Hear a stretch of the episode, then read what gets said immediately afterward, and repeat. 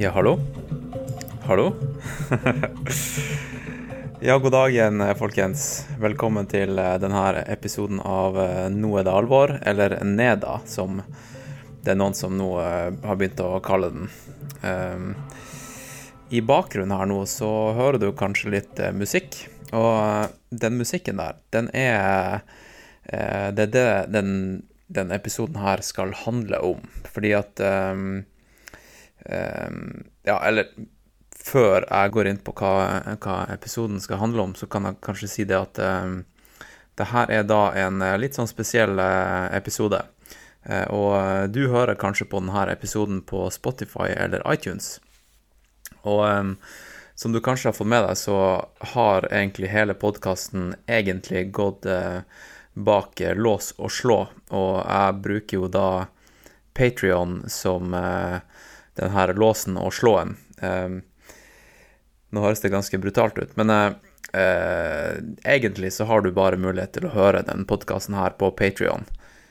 Og, men eh, den episoden her, den tenkte jeg, den er, den er så ufattelig bra eh, at hele verden må høre den. Så jeg gir den ut gratis. Eh, og um, grunnen til at den er så bra, da, eller grunnen til at den fortjener å, å bli hørt av alle, alle der ute, alle mine tusen, hundretusenvis av lyttere, eh, er fordi at eh, han Henrik, som er eh, dagens gjest, han har gitt meg lov til å bruke musikken hans. Og jeg tenker det at det er en skam hvis kun de 220 på Patrion skal ha tilgang til det her, siden han nå har gitt meg mulighet til å spille musikken hans til verden. Så hvis dere da bare Hvis dere ble inspirert til å, til å høre mer av musikken til han Henrik, ta og gå inn på Spotify. Eh, jeg har linker til alle sangene, eller alle eh, Alt vi spiller i, i episoden. Det ligger i shownotes til podkasten, så det er bare å gå inn der, klikke seg inn på Spotify, og så bare binge alt han har laga.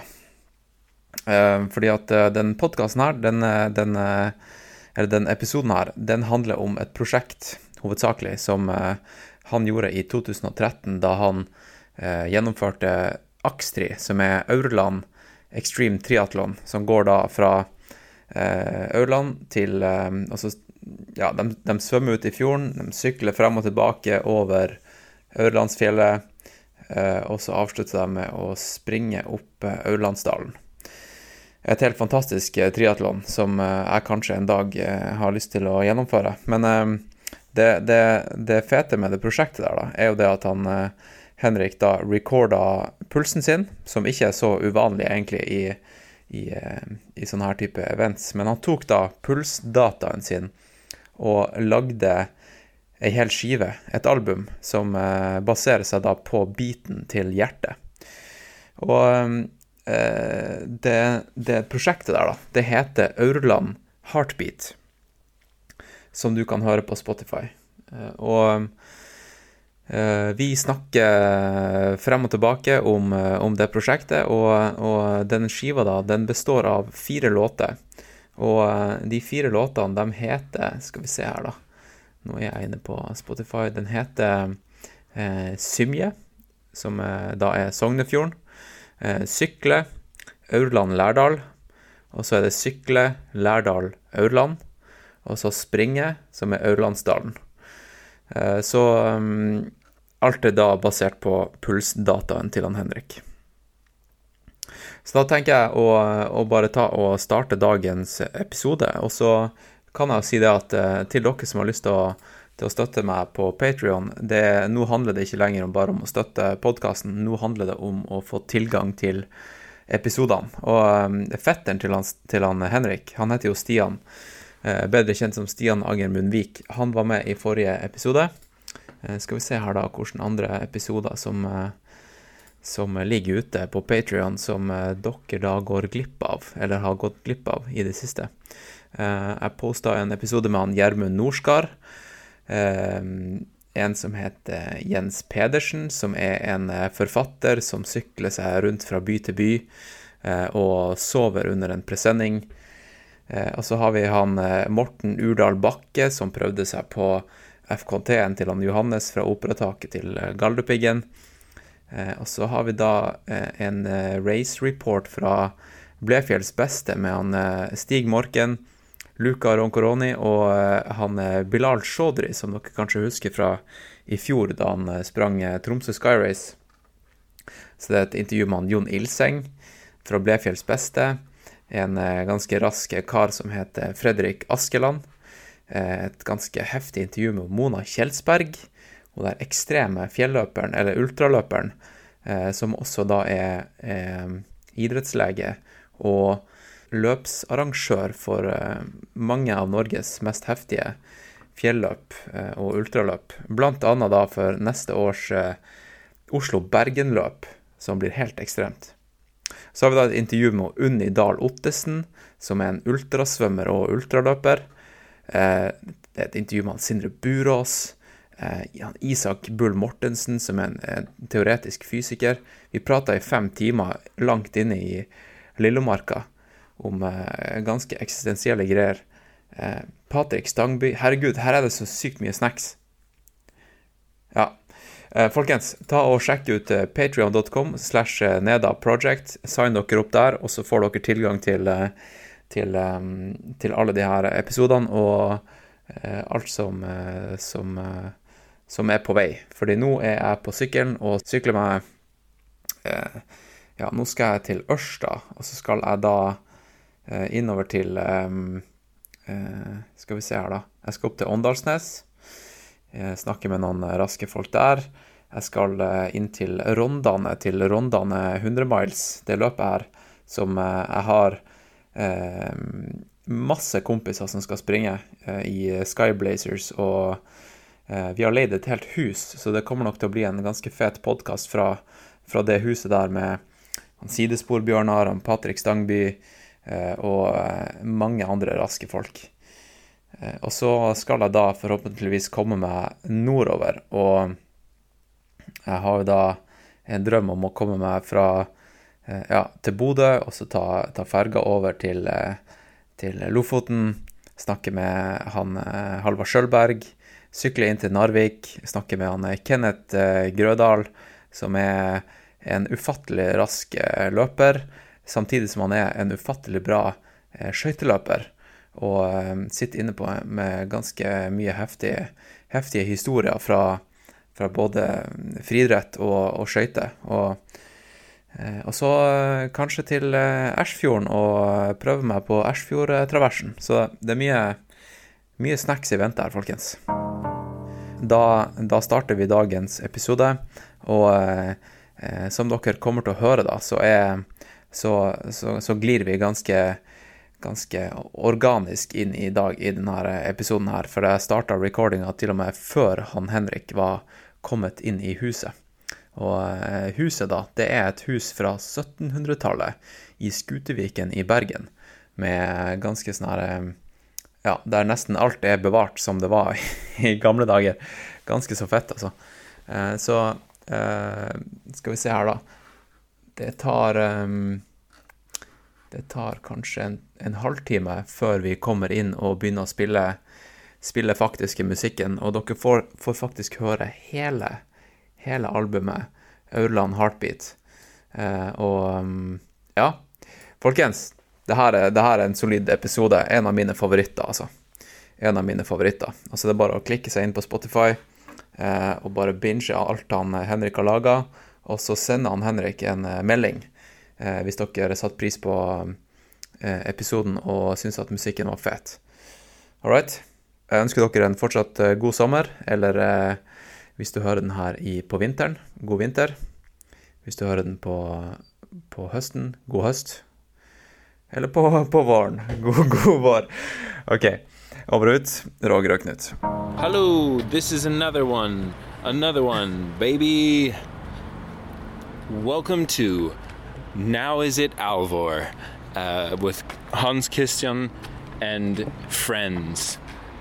we're going to be the best podcast that you ever did hear. And we're going to thrill you, we're going to teach you, we're going to entertain you.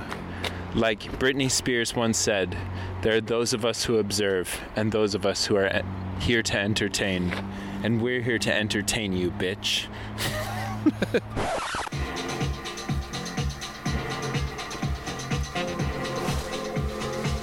Jeg bare jeg starter recordinga med en gang. For han går inn døra, liksom. Ja. tar vi en soft start, så kan du bare sitte i bakgrunnen og være sånn eh, på en måte sidekick. Så du vet på sånne, her, eh, sånne late night shows, så har de alltid en sånn her Husker du David Letterman? Han som spilte eh, Ja. gitar Ja. i bakgrunnen? Ja. Han er Paul Shafer.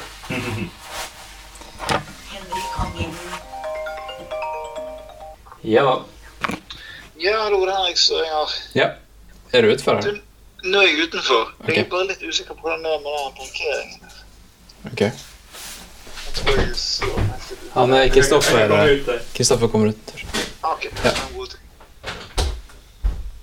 Jeg har ganske sånn liten rigg akkurat nå, fordi at eh, jeg er jo fast and light. Jeg sykler jo rundt i, rundt i landet og podkaster. Ja. Så jeg kan jo ikke ha liksom store mikker og sånt. Nei, nei. Du er perfekt med lite så lenge det er bra. Ja, ikke sant? Det gjør susen her. Jeg vet ikke, er du noe mikrofonfanatisk, eller? Eh, nei, men røde jo skal jo være bra merke. Ja, Det er bra. Så Du har fått eh, god mikrofon. jeg har fått god mikrofon. Ja. Ok, men da kan vi bare begynne. Ja. Eh, velkommen til podkasten, Henrik. Takk. Hyggelig. Hva, hva tenker du at den podkasten her blir? Jeg tenker han kommer til å handle en del om eh, løping og fysisk fostring, holdt jeg på å si. Mm.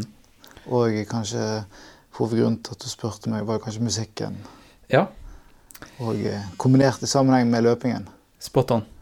Spot on. Mm. Eh, så eh, kanskje du kan fortelle hvem du er først, da? Før vi går over til musikken og løping og sånt. Ja. Sette litt kontekst.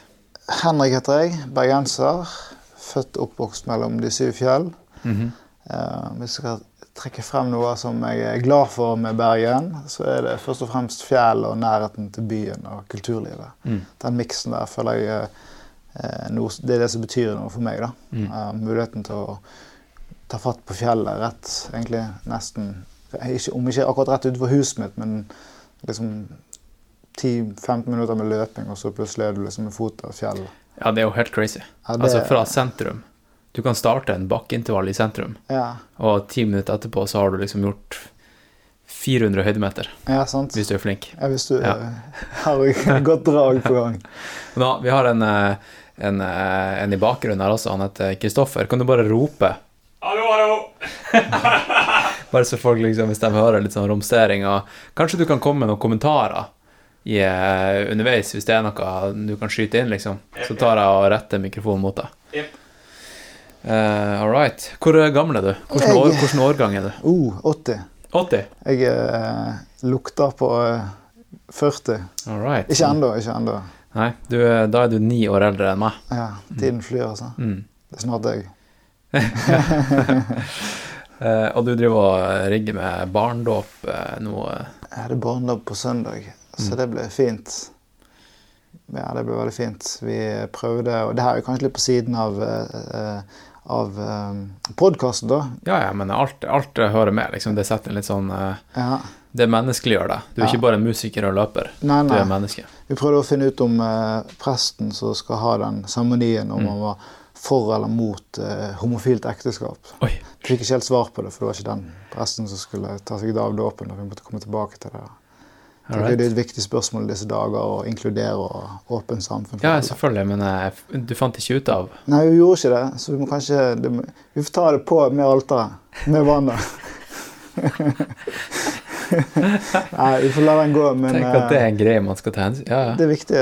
Åpent for alle. ja. alle må- Folk må gjøre som de, som de vil, så lenge de tar vare på seg sjøl og sine. ja og ikke er drittsekker mot andre. Ja, Ja. absolutt. Viktig.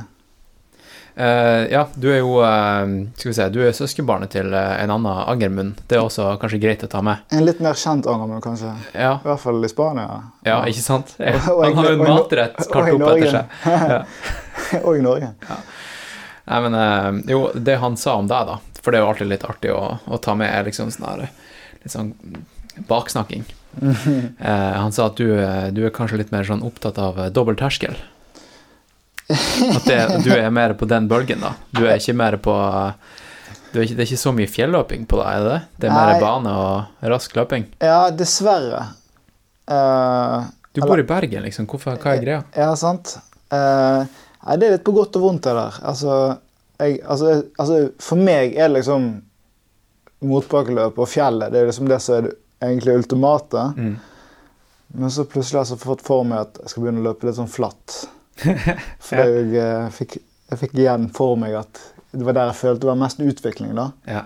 Uh, og, og det er mye lettere å få målbar kanskje utvikling uh, på løping. For du liksom løper en 10 km, og så ser du på en måte tiden. Mm. De er jo, Selv om løyper er ulike der òg, så er det liksom en sånn cirka i tid der òg. Altså, det begrenser hvor mange minutter. Det kan gå i pluss og minus, selv om løypen er litt ujevn. da. Mm. Er det noenlunde flatt, så er det noenlunde flatt, selv om det er en bakke her og der og en bro der. liksom. Mm. Mens i motbakkeløping, du løper liksom eksempel bare Ulriken opp én gang i året. Mm. Uh, eller det er sjelden at jeg alene tar det som et testløp.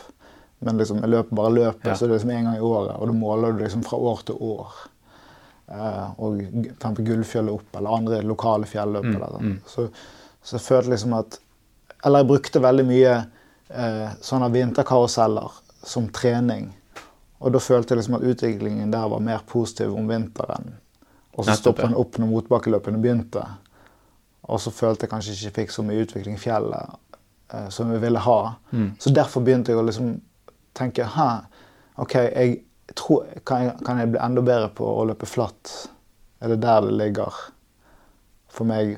Og da fikk jeg litt lyst til å prøve på det. og begynne å løpe litt flatløp og trene litt intervaller. Mm.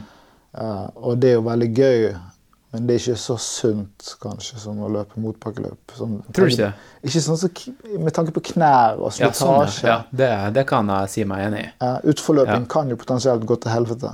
Ja, ja, ja. ja, ja. Altså, du Liksom. kan uh, tryne, liksom. Det har, kan jeg, ser du, eh, du kan se litt sånn scar tissue oppe, oppe her, og en knekt nese her. ja. Eh, men det er jo bare kult. Det er en del av pakken. Det er del av pakken. Ja, pynten. Ja. Ja.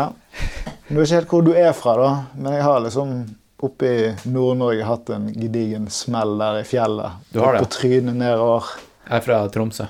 Ja, er du fra Tromsø? ja? Ja, det var, det var faktisk den ferien jeg var i Tromsø. Men okay. det var litt tidligere på Kvalvika, tror jeg det heter. Kvaløya. Kval, nei, Kval, jeg tror det var Kvalviken. Så, jeg tror det var Kvalvika. En sånn okay. strand ute i Lofoten. Å ja, ok. Fantastisk fint. Jeg hadde liksom sånn tidenes dag i sol, og beina var perfekte, og du bare løp rundt og koste deg og nøt naturen. Skulle ned til bilen og hente noe. Det var liksom null problem, masse energi. Det var bare ta en ekstra tur over fjellet og hente det du skulle hente. Samtidig skulle jeg liksom, mens jeg nærmet meg bilen, løpe nedover og tenke, ikke tenke så mye på det, og ta ut nøkler. Og da når du skal liksom kombinere masse forskjellige Ja. aktiviteter, så trakker du gjerne over samtidig. Ja, ja. Og så får du en god smell. Sånne ting skjer jo når du er litt uh, dumdristig, kanskje. Ja. Jeg tenkte du skulle si at du hadde vært i Nord-Norge pga. Insomnia-festivalen. Har, du- har du vært der før, eller? Nei, jeg har faktisk ikke, men jeg har lyst til å være der.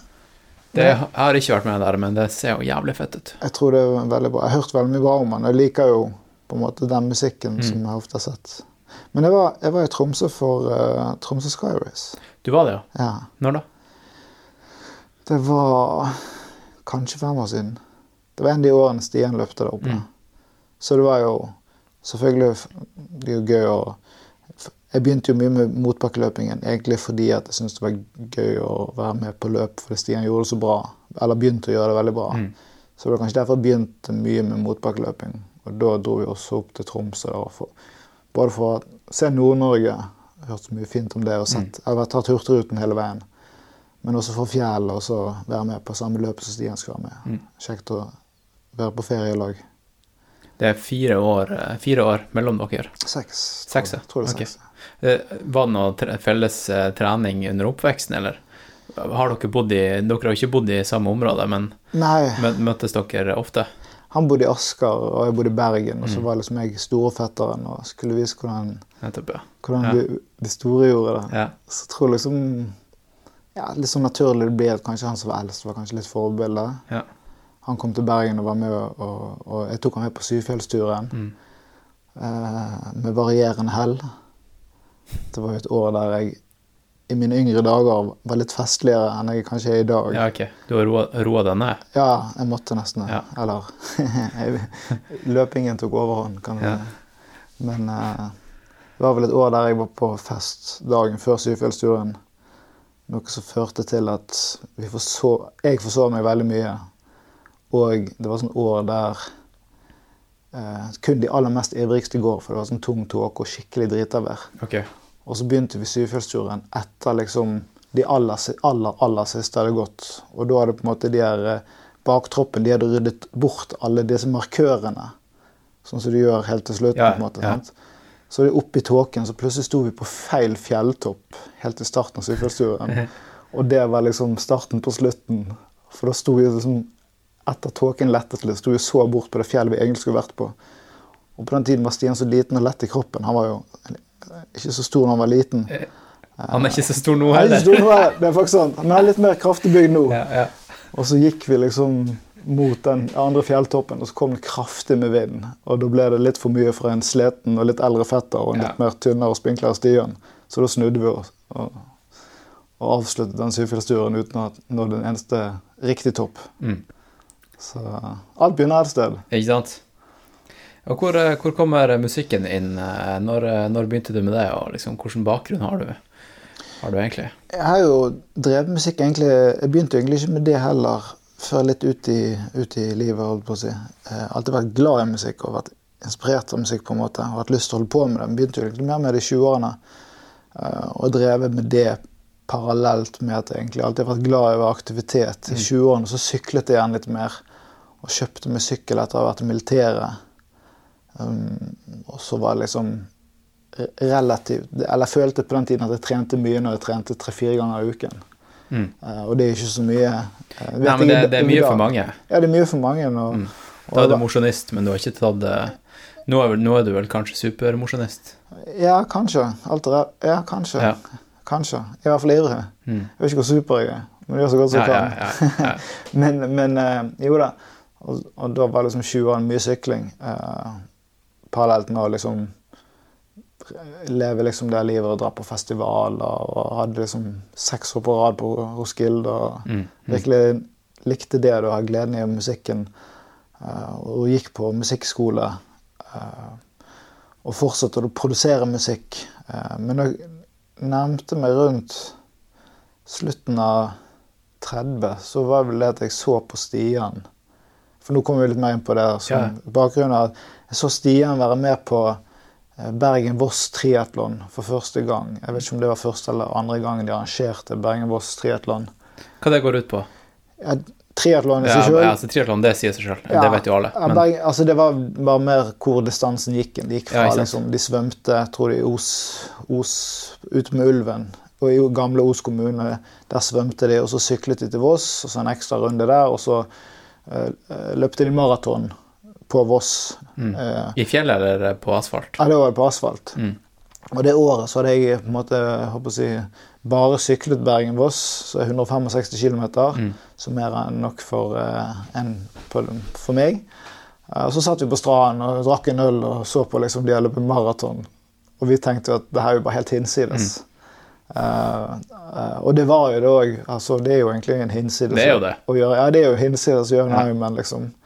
uh, året etterpå så hadde de samme konkurranse, men da hadde de flyttet det ut på Askøy, en, øykommune utenfor Bergen. Rett utenfor.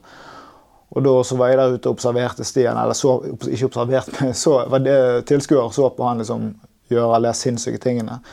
Men da kjente jeg at det kriblet såpass mye i fingrene at jeg bare oh, Det her må jeg også prøve, liksom. For det virket så Ja, det virket så utrolig kult å bare gjennomføre, da.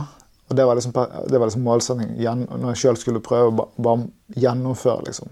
For det, at det var opplevelse så Altså løpe maraton i seg sjøl er jo ganske drøy ting å gjøre, tror jeg, for veldig mange. Mm. Selv om det også har blitt mer vanlig å gjøre det. Mange flere som gjør det nå enn la oss si, for 10-20 år siden. Det er vanlig, ja. Eller det, er mainstream, men det er fortsatt en drøy ting å gjøre. Ja, absolutt. Stor påkjenning for kroppen. Ja, kjempestor. Ja. Uh, og, og liksom bare sant, skal du først svømme.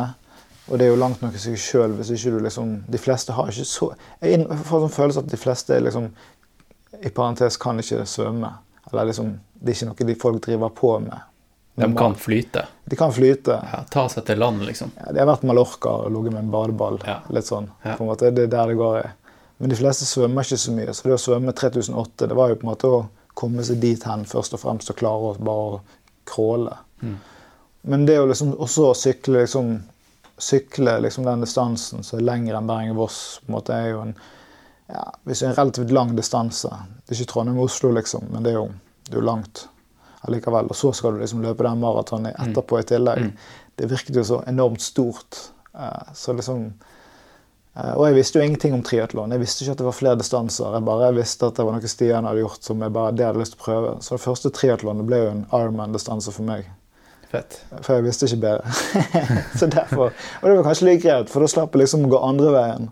Da bare tok jeg liksom først den lengste distansen, og så ferdig med det. Ja. Og siden så har det bare gått nedover. Eh, For det som ble neste, da var jo det triatlonet i Aurland.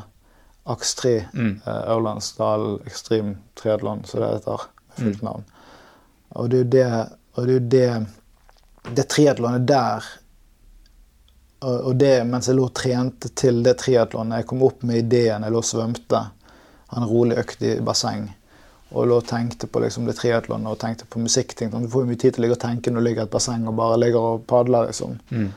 Med rolig tur. Uh, ideen til liksom å ta pulsen fra uh, fra meg sjøl, men å være med på det triatlonet i Aurland. Først svømmingen, så syklingen, og så løpingen. Og ta pulsen fra start til slutt og omgjøre det til tempoet i et musikkstykke. Eh, og det er jo det som da ble Ørland Heartbeat, Mm. som er på en måte det albumet vi har laget, eh, som ble en forestilling som vi hadde på Ekkofestivalen i Bergen og Biff i sammen, da, Fett. og viste fram. Hvem er vi? Eh, de er laget musikken med eh, en som heter Anders Bjelland og Jens Christian Rimau. Og så hadde vi med trommis eh, Kim Åge Furehaugen. Eh, det var på en måte bandet som på en måte, eh, produserte og spilte musikken live. Og så hadde vi med Tommy og meg, eh, et lite filmselskap som het Sjau. De på en måte var med hele den dagen og filmet og eh, hadde med drone og vi gjorde, På Akstri? ja, på Akstri under opptaksdagen. For det første vi gikk i gang med, var jo på en måte å Først måtte du dokumentere hjerteslagene fra startskuddet gikk eh, og til vi kom i mål for å samle inn på en måte Så du gjorde det fra start til slutt, liksom? Ja. Ja, ok. Det var ikke bare noe sånn her eh, en halvtime der og en halvtime der, og så Nei, nei, alt var et one take, liksom. Så det var Fett. sånn potensielt mye som kunne gå galt. Ja. For det andre året jeg var med på Akstry Altså, jeg, meg, meg i skiftesone er bare kaos. Andre året jeg var med på Akstri jeg har bare vært med to ganger, men den andre gangen jeg var med, da løpte jeg fra klokken min etter svømmingen. Og det hadde vært jævlig kjedelig å gjøre dette prosjektet Ja. her under Du liksom kunne jo faka det, da. Men det er jo kunne- det er kunne- jævla fett at du ikke har gjort det. ja, At det er ekte. Ja, men for meg var det også liksom litt sånn nysgjerrigheten på liksom hvordan ville hjertepulsen bli, og hvordan ville det påvirke musikken. Mm. Jeg hadde jo mistet mye av gleden og motivasjonen for å gjøre dette her hvis jeg skulle faket det. Det var jo på en måte å keep it real, på en måte. Ja. Eh, Så da hadde jo hele prosjektet gått i do, og da med innleid drone og med Ja. filmfolk. Ja. Hvis jeg hadde glemt klokken. Og alt kan skje i skiftesonen for min del. Men eh, heldigvis så husket jeg klokken. Um, jeg klarte å gjennomføre løpet, for det var for meg heller ikke noen garanti på den tiden. at jeg skulle Det er jo et drøyt løp. Det er jo et drøyt løp. Eh, så vidt jeg vet, så er det mer høydemeter der enn på Norseman.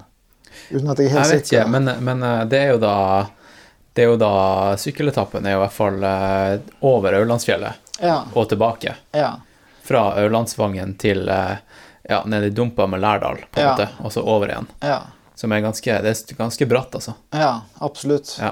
Og det er det jeg også syns er veldig sånn spennende med liksom, hvordan vil hjertet respondere på det triatlonet her. Mm. Med liksom, svømmingen greit, det er jo liksom paddeflatt på fjorden med de bølgene som kommer. Men så har jeg liksom å sykle opp, og så få høy puls, og så ned, Mm. og så sånn, snu oss opp igjen. Og så var det jo løpebiten selvfølgelig oppover Aurlandsdalen. Eh, og den også endret jo seg underveis. Etter hvert så tror jeg kom til halvveis i løpet, så tror jeg da begynte jeg liksom kroppen for alvor å bli sliten. Mm. Noe som igjen påvirket pulsen, som jo også på en måte har gjort har på en måte på en måte også kan legges merke til i musikken. Da, at det endrer seg liksom i, i musikken. At her går pulsen ned. Ja, men liksom, hvordan, jeg lurer på Nå skal vi jo straks høre litt fra, fra skiva, som er på en måte delt opp i spor som heter eh, svømme, sykle, løpe. Mm. Ja. Men eh, jeg bare lurer på liksom, hvordan Musikk er jo ofte, i hvert fall elektronisk musikk, Mm. så er det jo nesten sånn at du stiller inn på liksom, OK, jeg vil ha 180 beats per minute. Mm. Hvordan gjør du da når, liksom, Ja, når når det sånn. pulsen er på 138? Ja. Det, det fenger jo ikke i ørene til folk. 100 har du tatt det? Ja, Ja, du kan få det til å fenge òg. kan, kan det? Ja, men kan vel egentlig få det meste til å fenge. Folk hører jo på, på jungle og, og drum bass, og, og der er jo tempoet så enda høyere. Men liksom, eh, hva hvis, hva hvis det går eh, opp eller ned, eh, avhengig av Ja, om du tar deg et, eh, en sipp fra drikkeflaska, og så går det opp til Ja. 180, liksom? Ja, nei, og der er det jo på en måte der vi måtte, på en måte liksom For det går ikke det det, Da ville det blitt mer eller mindre ren kaos og kunstmusikk for de som ville Mm. synes det var kunstmusikk, eller bare fullstendig kaos. Så det var jo på en måte det å liksom Det ble en slags sånn ok, gjennomsnitt av det vi har, av, den, av det som man får, la oss si, i sykkelpartien opp fjellet, og sånn gjennomsnitt av Ikke, OK, OK. ok. ja, for det ellers ville du, Du har jo sikkert sett på pulsklokkene sjøl at det går jo Ja. opp og ned. Det svinger jo Ja. tiden. Så det er jo på en måte liksom mer snittet av liksom de forskjellige aktivitetene Mm. som vi har tatt utgangspunkt i, og så laget liksom en låt rundt det. da. Mm. Og med, med noen feltopptak eh, fra liksom lydeffekter ute i området. OK, ok, fett. Fett. Og, og så har vi liksom sant, jo, Når du sykler ned fjellet, så, går vi jo, så er det ikke så mye aktivitet i kroppen. Så da er vi mer fram, altså Det å renne ned en, et, et bratt fjell i høyt tempo jo sånn, kan jo være kaotisk med vind, og det er mye som skjer. Og, og det er på en måte da vi laget litt sånn, litt sånn friere, åpnere partier når du renner ned mot Lærdal uh, først, etter første topp. Og så når du renner tilbake igjen til Ørland etter andre topp støt på sykkel. da. Mm. Så da har vi liksom litt sånn ja, mellompartier der som ja, gjengir litt av den støyen og alt, veden og alt det du får i ansiktet, da, Mm. kan du si. Um, men det er jo også gøy å ha litt sånne partier inn i musikken òg. Litt mer frie og åpnere? Skal vi ta og, og sette på første sangen, eller? Mm. Uh, skal vi se her, da. Bare... Nå sitter vi da med en Mac, og jeg har åpna Spotify. Eh, det her er altså ei skive som er tilgjengelig for alle på Spotify, og sjekka vel i går, den ligger vel også på Google Music. Det vet jeg Eh, ligger den andre steder, eller? Google Music jeg visste faktisk ikke. Han ligger jo på Han skal ligge på Spotify og iTunes, så vidt jeg vet. Ja. Ja, Jeg lagde jo også spilleliste her, med Ja. litt sånn diverse Angermund-musikk, for du har jo forskjellige Ja, eh, prosjekter og sånt. Eh, for jeg, jeg sprang jo med eh, Som research eh, i går, så sprang jeg en løpetur med Ja, det var låter som ikke var fra fra Aurland Heartbeat-plata, men litt av de andre greiene. Det kan vi også ta og sette på litt etterpå. Ja, kult. Det var jævla fett. Eh, skal vi se eh, Symje, da. Ja. Det er første låta. Da, da tar jeg og spiller den her, og så kan lytterne da bare kose seg med hele, hele sulamitten, og så kommer vi tilbake etter sangen. Da tar jeg og han her, skal vi se her om han, om han kommer. Kanskje du kan, eh, mens han loader her Han var litt treg å loade, faktisk. Um, hvordan, eh, hvordan var liksom stemninga med svømmepartiet? Det her var ditt andre triatlon. Ja, jeg, det var faktisk Var det kaotisk? Uh, uh, ja, altså alt den, jeg synes den starten på Ørland, Ørlands triatlon den synes jeg alltid er litt kaotisk, for da skal alle ut i den badeviken og ut på selve fjorden. Og den er ganske smal. Eh, så der er det mye armer og bein. Men Mm. det er gjerne ofte det i mange triatlon, at det er mye armer og bein. Det starter jo ganske sånn eh, eh, rolig, da. Litt sånn her eh, Akkurat som at det er litt sånn Misty Morning-aktig. Mm.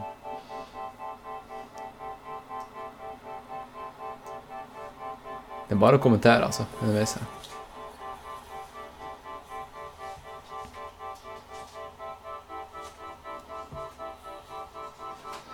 Det er jo litt sånn morgengrysstemning, føler jeg, sånn nå i ettertid. Var det det du prøvde å kommunisere, liksom? Det er jo litt at det er starten på noe, da. Starten på en lang, lang reise, om du vil. Hvor lang reise er det? For meg var det en veldig lang reise. Ja. Hvor mange timer? Jeg brukte første året brukte ti timer, eller var rett over ti timer. Ja. Så for meg ble det jo en lang tur. Mens de som, som eh, De beste bruker vel under syv. Mm.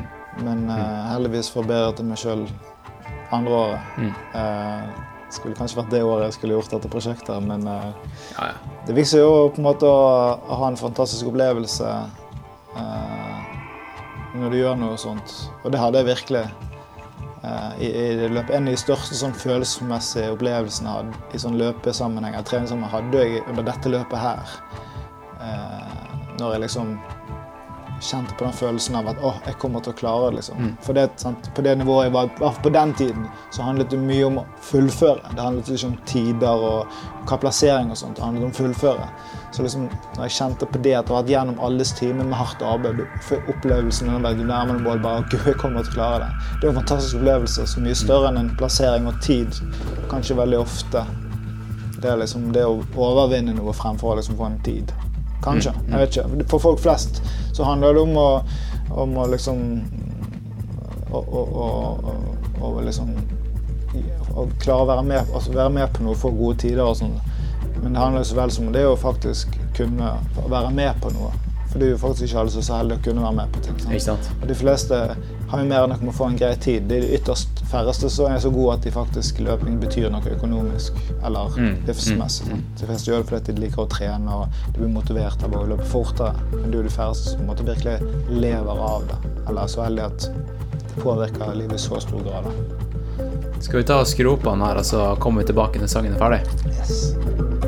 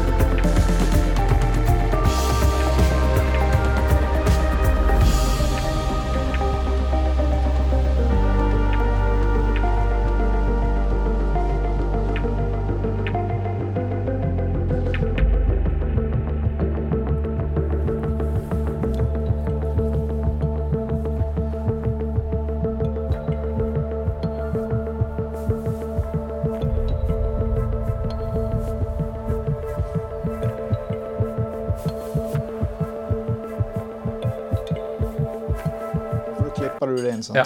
Det har rot, jeg rotet meg helt vekk på slutten av det siste. Nei, men eh, det jeg tenkte kanskje vi skulle prate om, var hva gjorde opplevelsen av eh, konkurransen, liksom Eller ko- Nei, hva gjorde det her, jeg vil kalle det et kunstprosjekt, med opplevelsen av konkurransen? Når du svømte der ja, i fjorden, liksom, Ja. når du sykla, ja. tenkte du liksom nå lager jeg noe mer enn Altså, nå gjør, jeg, nå gjør jeg noe mer enn idrett. ja. Nå lager jeg kunst. Ja. Uh, vi kan snakke om det. Jeg tror jeg var mest mer fokusert på at jeg ikke fucke opp ting. Det var det som var liksom der og da det viktigste. Ja. At jeg tenkte at nå må ikke jeg trykke Nå må ikke komme an i klokken. Nå må ikke jeg Ja. Der og da så var det jo på en måte løpet som kanskje var i fokus. Mm. Men også det å ikke ting skulle gå gå feil. Eller ja, at Mm. klokken skulle et eller annet sånn tull. Eller ja. Det var egentlig det som var det viktigste. Ok, ok. Men eh, når, da, når du kom i mål, da, var det liksom sånn Yes, eh, pulsklokka gikk ikke tom for batteri. Nå kan jeg, Ja, sånne nå, ting, sant? Liksom, nå, er, nå er jeg ferdig med prosjektet, nå kan jeg gå hjem og produsere. Ja, det var jo liksom Men det var jo også liksom Det var jo også det jeg, jeg, jeg mistet jo ikke vekk det at jeg faktisk er med på et løp og har det kjekt med det òg. Mm. At det er liksom For det var jo først og fremst var det jo at jeg meldte meg på løpet. Og så oppsto ideen mens jeg trente til løpet. Mm. Så det var liksom ikke Jeg meldte ikke meg på et løp for å lage et prosjekt. Nettopp. nettopp. Jeg kom på ideen å lage et prosjekt etter jeg hadde meldt meg på et løp. Ja.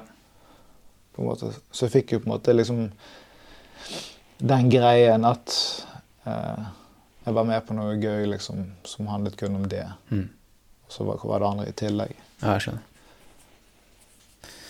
All right. Så det var på en måte svømme, svømmedelen, da. Eh, Hva, hvordan gikk, eh, hvordan gikk svømmeetappen? Jeg, eh, hvis jeg skal trekke frem noe av det jeg syns jeg faktisk er litt bedre på når det kommer til triatlon, eller om ikke det er det jeg er best på, så i hvert fall sier jeg nest best på, så må det være svømmingen. Og det er ikke det at jeg er så vanvittig god svømmer, men jeg kom i hvert fall på en, en grei plassering på svømming i forhold til la oss si, syklingen, det er Mm. forferdelig. Det er det som er ditt, eh, din akilles. Ja, og det er jo veldig synd, for det er jo der det tar mest tid. Ja, ikke er der jeg dreper Ja. alt. Kanskje spesielt på det her løpet, jeg vet ikke. Ja, ja. Som er liksom veldig sånn eh, motba motbakke-heavy. Det tar jo kjempelang tid. Altså, det er jo Altså, det er jo Du blir aldri ferdig med syklingen. Nei.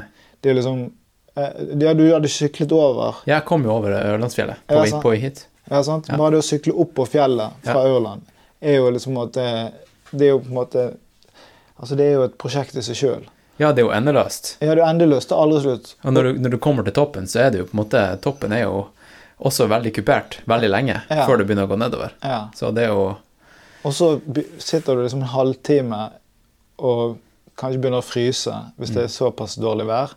Og så skal du begynne vanvittige Og det er da jeg, det jeg syns er det verste, når du skal opp igjen på fjellet en gang til på sykkel. For da har du rukket å blitt kald i hele kroppen. Og så er du begynner du å bli sliten òg. Og så skal du trå igjen. Ja. Og det der er jeg i hvert fall Jeg vet ikke hvordan det blir gjort i dag, men da kom jeg ofte til kort. Da var det liksom bare Det var pyton å komme seg opp igjen. Men sånn er det litt med fjelløping og ultraløping også. Er liksom når du er ferdig med lang nedoverløping ned et fjell og skal begynne direkte på en oppoverløpingetappe igjen, ja. den overgangen er jævla vanskelig. ja. Men eh, det går bra. Bare gi det liksom ti minutter, så, så går det greit. ja, du kommer inn i det. Kommer inn i det. Ja, absolutt. Nei da. Det er sant, men, den, men, den, eh, men jeg, jeg, jeg kommer aldri inn i det igjen. Nei, ok. syklingen. Må bare komme seg opp. Ok, så det, Men uh, nedoversyklinga ned, ned til Aurland, da. Altså, vi, kanskje vi kan ta og, og spille av den uh, sykkelsangen som heter 'Sykle'.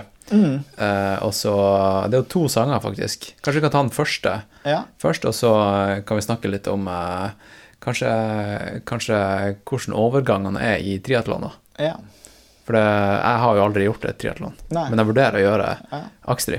Kan ja, det kan virkelig anbefales. Ja. Hvis du skal gjøre ett triatlon av det jeg kjenner til, Ja. så ville du gjort det. Okay. men da kan vi ta og spille av uh, Sykle Aurland Lærdal. Da kan vi kanskje gjøre det samme som, eh, som sist, at uh, Kanskje du kan fortelle litt om starten her i sangen, og liksom hvordan Altså, du går jo rett på. Du, du, du begynner jo fra sentrum der og, og, eh, og rett i, går rett i bakke. Mm. Så du går jo rett i puls med en gang. Det er ikke noe sånn varme opp. Det er bare å begynne på bakkene med en gang. Mm. Og du går jo pulsen rett opp. Og det er jo også kanskje litt det du gjenspeiler her, at her er det bare, det er rett på. Ja, ikke sant? Ganske sånn eh, Ja, jeg vet ikke. Er biten konsis her? Eller?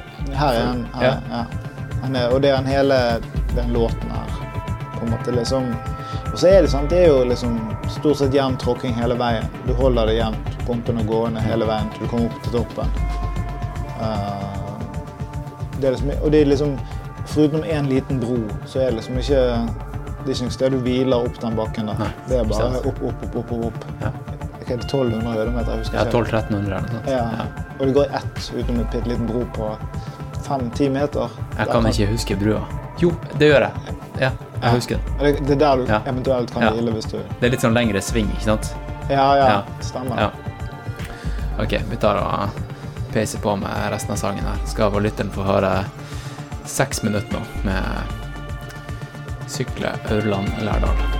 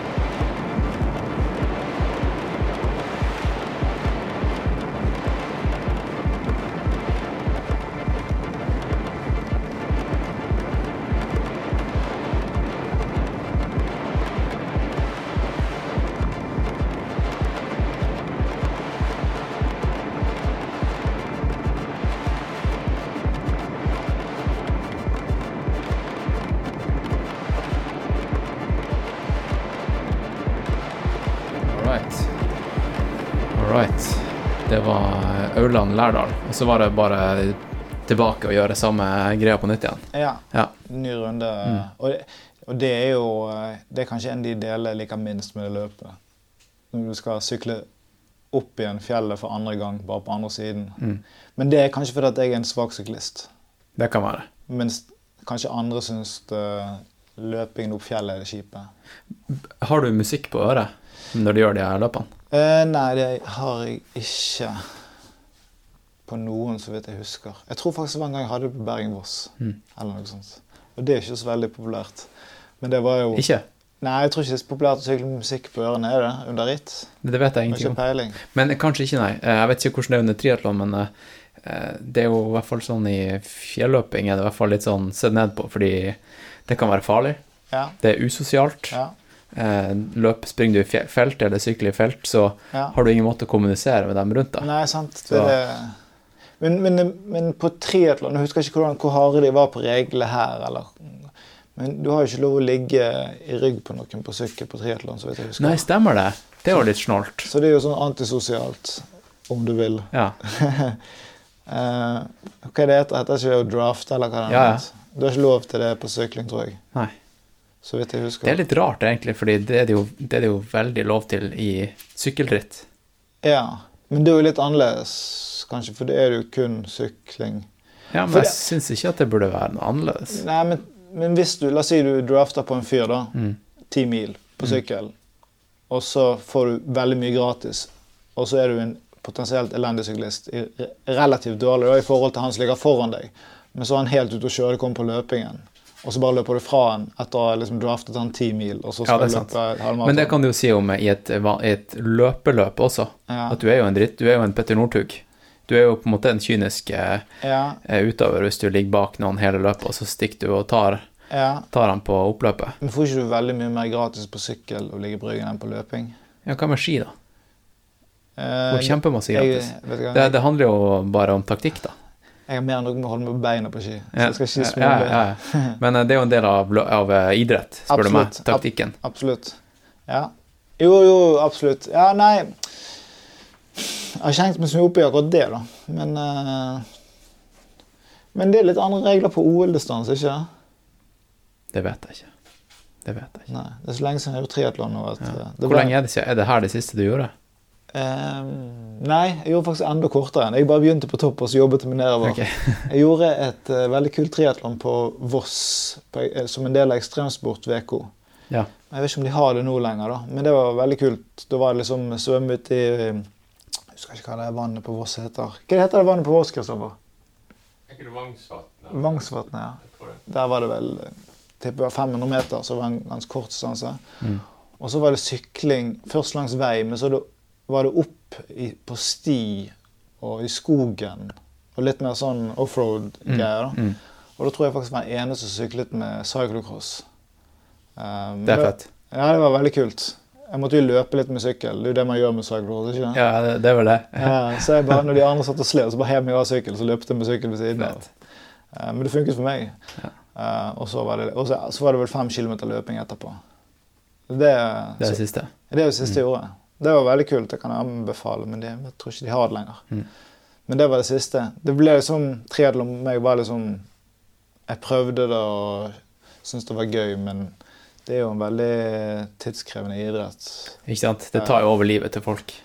Ja, også, Folk blir jo helt gæren. Ja, og så er det liksom veldig dyrt òg, med sykkel og alle sportene.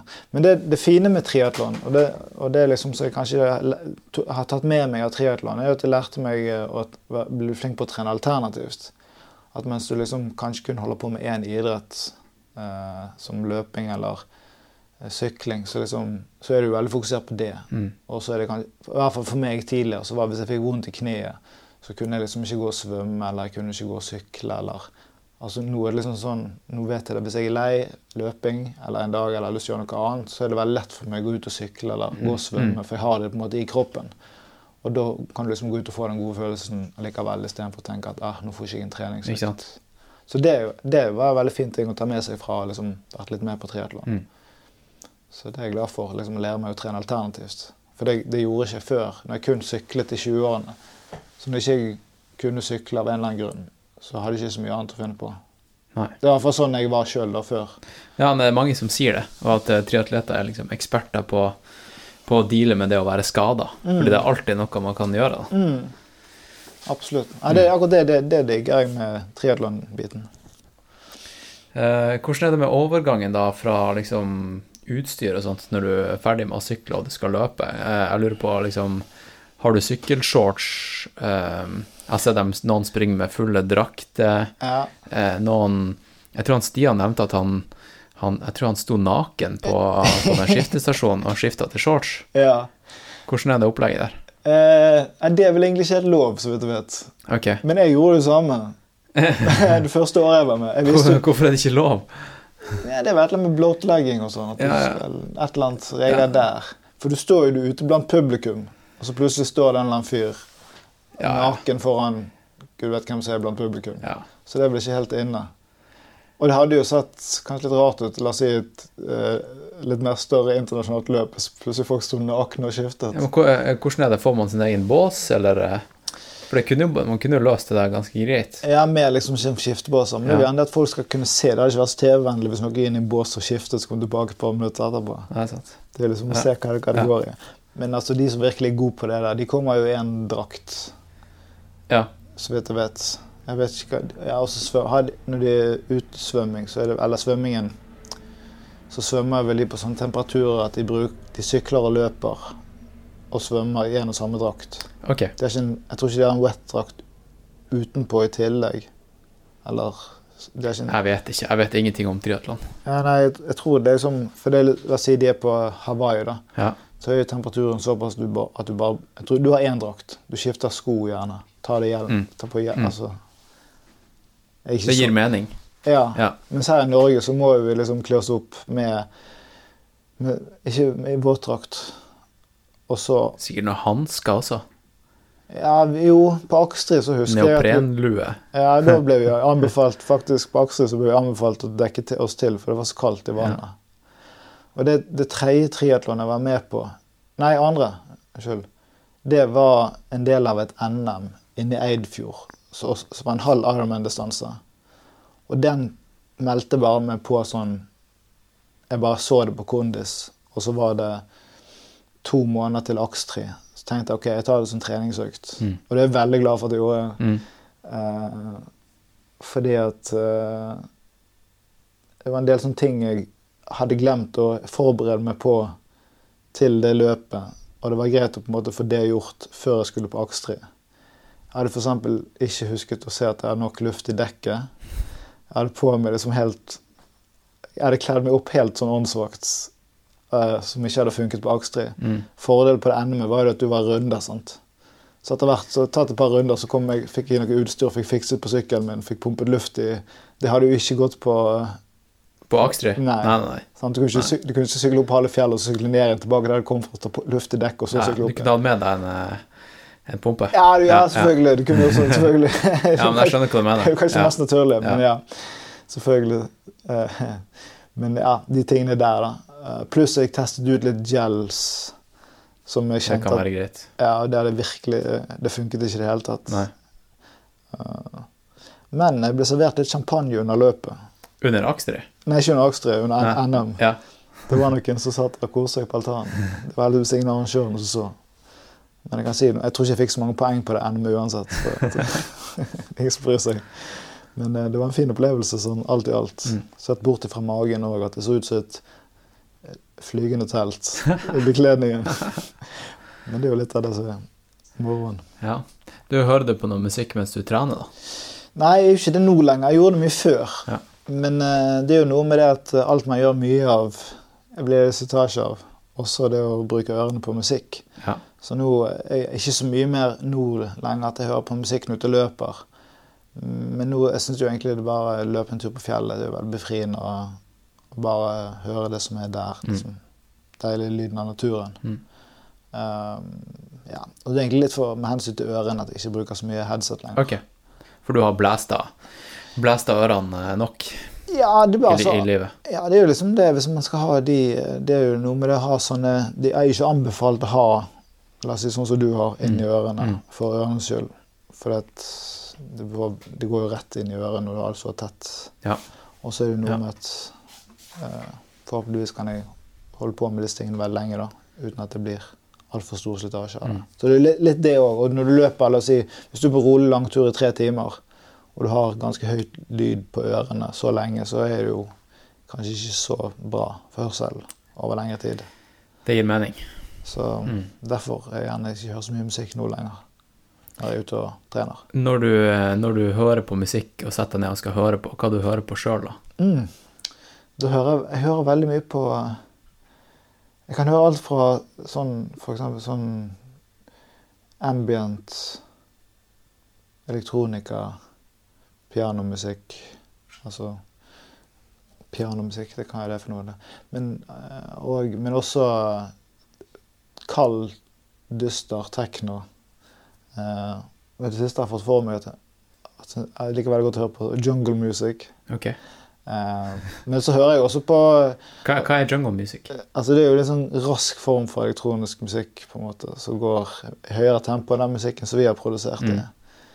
Eh, men, eh, men min favorittartist gjennom alle tidene har jo vært Beck. Oh, ja. Og han har jo produsert all slags mulige forskjellige sjangre, så det er egentlig han som har vært en sånn inngangsvindu til liksom, å lytte på mye va forskjellig variert, musikk. Mye forskjellige sjangre. Men Så, så, men Beck det er jo hovedsakelig rock, er det ikke det? Men han har produsert andre ja, eller han, band. Du føler på en måte han som eh, produsent ikke pro, er mer ikke- enn eh, nei, det mer- som han Nei, mer som, musik, mer som musiker. Mm. Men musikken hans liksom, har hatt for veldig forskjellig innpakning, da, kan du si. Mm. Noe som er mer elektronisk, og noe mer, mer sånn funk. Men så er det også selvfølgelig poppen og ja. Men han har liksom veldig variert lydbilde, da. Og Mm. det på en måte har kanskje vært døråpner for meg i mange andre sjangre, da. Mm.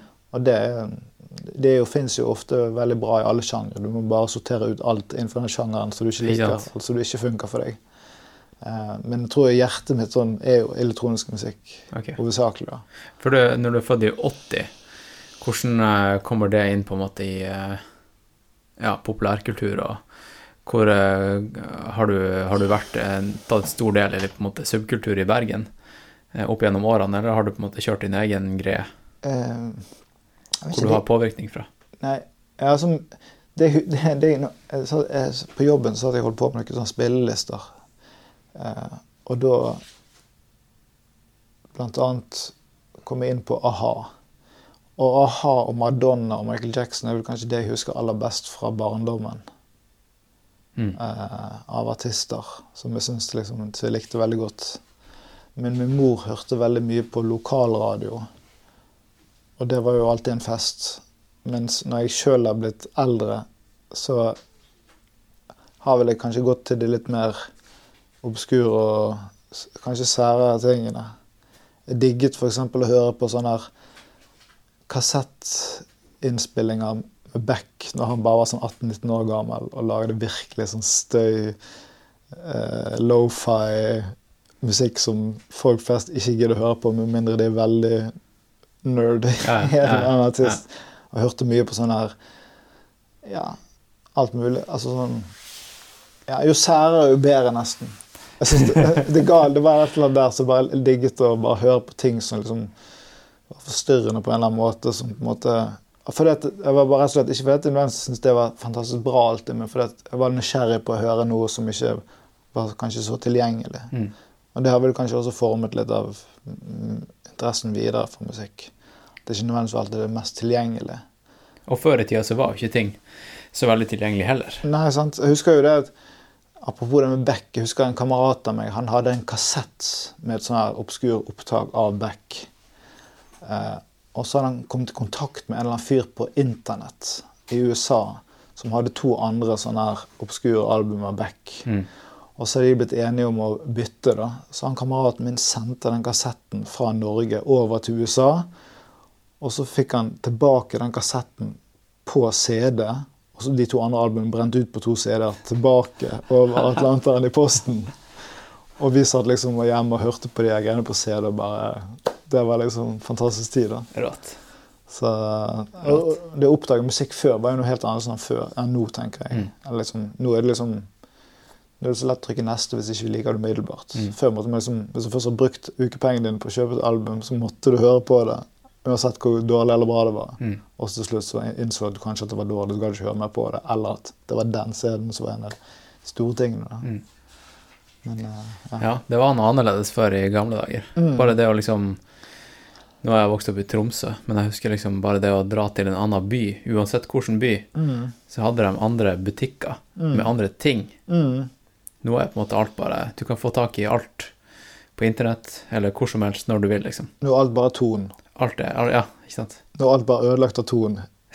Nå er det noe Jeg skal ikke si det. Men det er Ja, mange steder som er ødelagt av Ja. kjøpesentrene og Ja. alt det der. Det er jo en annen diskusjon. Ja, men sammen med, sammen med musikken, da. Alt er jo på, på Spotify og YouTube, og Ja, ja, du på, får på en måte tak i alt det obskure. ja, på godt og vondt. Ja, det er ikke alt du finner, faktisk. Nei? Det er ett Har du noen hemmelige hjørner på, på internett? Uh, Eller fysiske Nei. steder? Nei, men jeg vet jo om artister som kan bli ut på album som du kanskje ikke finner på Spotify. Ja. Og, og mye musikk blir jo fremdeles gitt ut på CD-er, eller på ikke CD-er, men på gitt ut som ikke kommer på Spotify. Så du må liksom kjøpe digitalt andre nettsider. Er det noen musikere du vet om som kun gjør live? Som, som ikke gjør noe Gir ut noe? Ikke som jeg kjenner. Nei. For det er noen kirkemusikere, kanskje. Ja. Nei, for at det, um, det er en som har vært med i podkasten tidligere, en som heter Carl Christian uh, Lane Stormer. Og han eh, lagde to snowboardfilmer. Ja. En dokumentar og en eh, faktisk snowboardfilm. Ja. eh, og lagde soundtracket sjøl, Ja. for han spiller rockeband. ja. Og um, de spilte eh, musikken til filmen live Mm, mens kult. de viste filmen. ja. Eh, nå er det et album som du kan høre på på Spotify, men de har jo selvfølgelig den totalopplevelsen og filmen. Mm. Det kunne du kun se live. Den filmen er ikke gitt ut. Nei. Den må du se live. Det er Ja. litt fett, altså. Ja, kult. Det er jo, er jo faktisk litt sånn som Ørland Heartbeat, faktisk. Mm. At musikken er tilgjengelig på Spotify, men når vi har konsert, så den filmen så fra liksom opptaket under selve triatlonet, den er kun vist fram når vi spiller live. Mm. Men det er kul greie, det å, at de står og spiller live til musikken. Og da er det ikke lenger bare en film eller bare musikk. Da er det kunst, spør du Ja. meg. Og det er litt sånn som med Ørland Heartbeat. Mm. Det, det går over i kunstsjangeren. da. Ja. ja, kult. Mm. Det, hva er det, hva er det, det bandet heter? Eller hva er den filmen Ja, filmen heter 1997 Forever. Ja. Eh, og så heter vel plata 1997 Forever. Eh, og det tror jeg bandet også heter, for de på en måte samla flinke musikere for det Ja. prosjektet. ja. Men han eh, kommer vel fra et band som heter Tulus Musicus. Ja, ok. Jeg kjenner ikke til det. Nei. Nei, men det er gøy med sånne, sånne ideer som det. Det er dritfett. Absolutt. Ja. Absolutt. Uh, skal vi ta og gå over på uh, Skal vi se her, da. Spilte vi Nei, vi har ikke spilt den andre sykkelsangen. Det, den Lærdal Aurdal. Auland. Uh, da Vi kan spille den, og så kommer vi over på springedelen, da. Ja. Men eh, skal vi se, er det noe du husker spesielt fra, fra den etappen over, bortsett fra at det var jævlig å komme i gang? Det var godt å begynne på nedoverbakken. Ja. Det var Ja. en god følelse. ja. Nå det begynner å bli noen år siden dette. her. ja Hvilket år var det? Ja, for nå er det litt sånn kaotisk start her. Ja. Nå er det sånn eh, dissonans. ja. Det er rett før eh, Det er liksom rett før Altså For det, hele sporet er jo, det er jo bare ett spor. Eller på en måte Det er ett take, på en måte, og så er vi delt opp i spor. Mm. Men hele lydfilen er jo bare én stor pølse, på en måte. Så du måte fra Du begynner liksom i det du avslutter, nedover og du snur. Så begynner du syklinga opp mot der, liksom. Så sporet begynner på, så ligger ute, det begynner akkurat i avslutningen til bakken.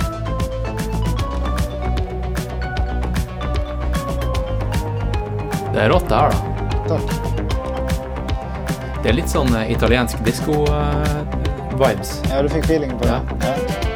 Det har vært utrolig gøy å jobbe med prosjektet. De som jeg har jobbet med, som nevnt tidligere, er veldig flinke folk. Som på en måte produserer veldig mye bra musikk som egentlig spilles jevnt og trutt på norsk radio. Flinke, veldig flinke folk, så det har vært veldig gøy å få jobbe med de da. Jeg hører litt sånn Jaga jazzist eh, Ja, vi har en aktig. inspirasjon fra det òg, da. Ja. Flere, flere, flere kåper og flere fingre på det prosjektet. Mm. Så de har vi gjerne inspirasjon fra der, mange de òg. Mm. Og det er jo jeg også. Jeg har hørt Jaga sist, og det er jo kult. Det er utrolig kult de har hatt produsert. De kom, nett, de kom nettopp med en ny skive, eller singel, eh, som jeg faktisk hørte på mens jeg sykla over der. Eh, vi kan ta og spille hele sangen, så kommer vi tilbake etterpå. Da er det ca. Eh, si, 6,5 minutter eh, herfra.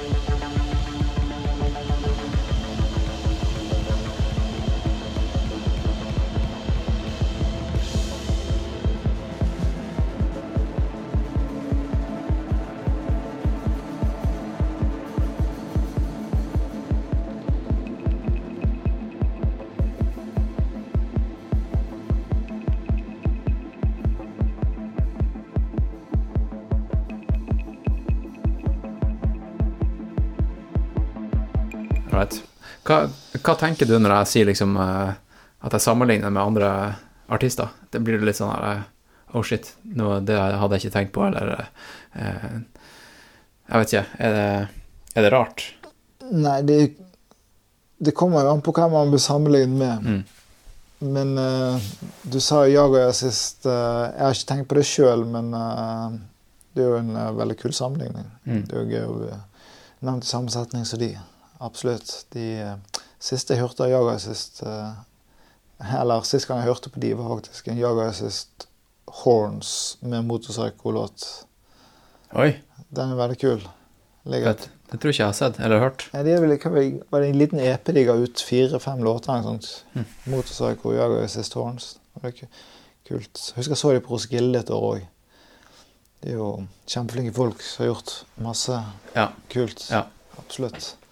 Jeg vet ikke hvor mye Jeg egentlig ikke hørt noe Du sa nettopp de har kommet ut med singel. ja. Mm. Jeg var faktisk eh, Skal vi se her, det var, det var en, en For jeg, jeg jobba som eh, webutvikler før, Mm. og så var det en eh, kollega av meg som eh, slutta i jobben sin altså, Da vi var kollegaer, han slutta, og så begynte han et selskap som het Oslo Sessions. Mm. Eh, og da var konseptet at han skulle, eller dem skulle filme live-sessions av band, Mm. og så gi ut liksom proff variant av deres live-session. Mm. Eh, eller i studio. Ja. Og da, da eh, sa jeg bare til han at hvis du vil at jeg skal hjelpe til, så gjør jeg gjerne det. Mm. Jeg hadde aldri tatt i et kamera før, Ja. og plutselig var jeg inne og i studio med Jaga Jazzist og var liksom kameramann. Yes. Eh, og bare Ja, det var helt rått. ja, kult. Det var helt rått. Mm. Jeg kan se for meg at det var gøy å observere. Ja. Um, All right. Så uh, det var et lite sidespor. Mm. Så tilbake til triatlon, da. Uh, nå har du på en måte kommet ned i Aurland. Uh, var det bra vær den dagen? Var det regn, eller var det sol, eller var det grått?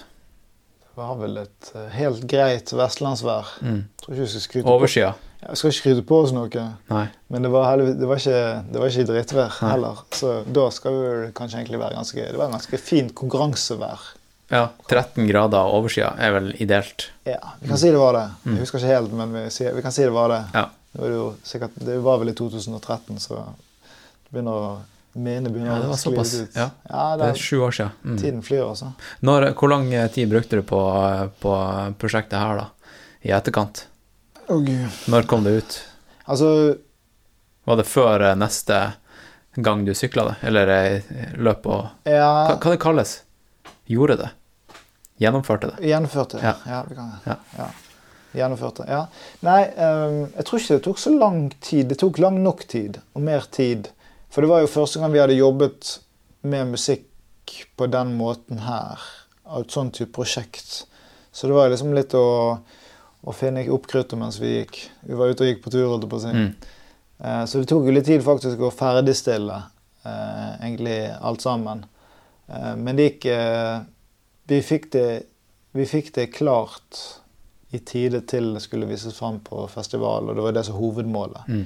Vise fram eh, film og ha konsert, på en måte. Det var jo, det, det var jo samtidig. Eh, så vi fikk alt det vi, vi gjorde Vi kom oss innenfor der. Men etter det så gikk vel luften litt ut av ballongen, for det var litt vanskelig å få støtte til dette prosjektet. For vi falt liksom mellom to stoler. Mellom på en måte idrett og kultur. Det skjønner jeg. Så det var ikke så mange som hadde lyst til å gi penger til oss, for de bare dyttet oss over til den andre siden. Eh, så da liksom, i og med at det ikke var så mye lønn i det, så var det liksom Og når vi endelig var i mål, så var det liksom uh, så, Og da tok det faktisk veldig lang tid før vi klarte å endelig få musikken, å gi ut musikken. da. Eh, men, vi viste det også frem også på den norske dokumentarfilmfestivalen et år. Det var veldig kult. Eh, og så var det seinere vi hadde en framvisning på Bergen Kunsthall eh, i forbindelse med at vi ga ut musikken eh, på vinyl. Så den finnes jo på vinyl for de som er interessert i det. Det er Mm. bare å sende meg en private message, så Ja. kan vi deale litt. Ja, den ligger jo nede på bordet til han Stian. Ja, stemmer. Mm.